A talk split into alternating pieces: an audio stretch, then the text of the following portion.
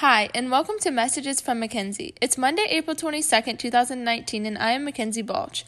With me today is a special guest, Kim Patrick, a fitness and nutrition coach in Gainesville, Florida.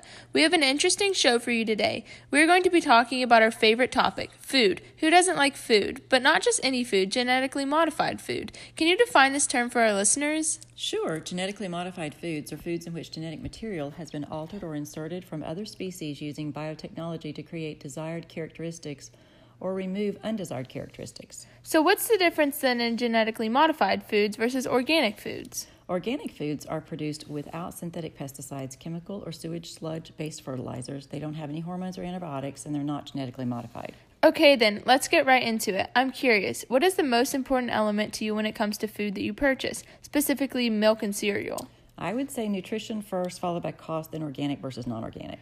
That's very interesting. Would you be willing to pay more for genetically modified milk or cereal at the grocery store?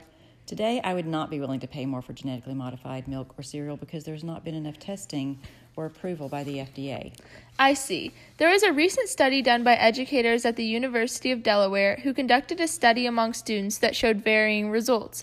Consumers more involved in their religious preferences were more interested in organic options than genetically modified foods. Females did not want to pay for genetically modified milk because they considered the existing nutrients in the milk to be adequate. Individuals who were highly opinionated were willing to pay for genetically modified foods as long as it had an increased nutritional value.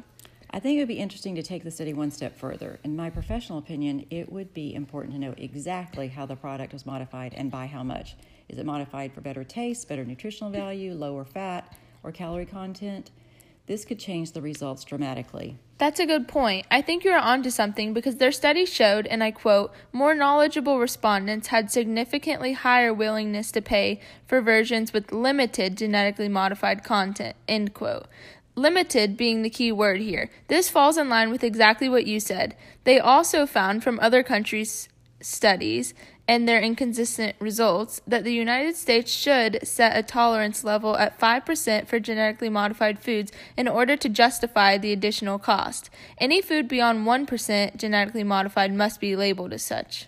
As with any food, it must be approved by the FDA and go through strict guidelines before it reaches the consumer. I'm not too worried we will see an abundance of this in our grocery stores anytime soon. You are right. The products will be well labeled and identified when they do surface. Students in the survey said they felt our government would keep our food supply safe. Smart kids bring hope for a safe future. Yes, they do.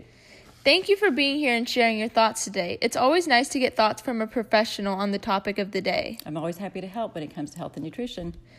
It's an interesting topic that brings about discussion for our future health. We will be sure to keep you, our listeners, posted about updates as they arise.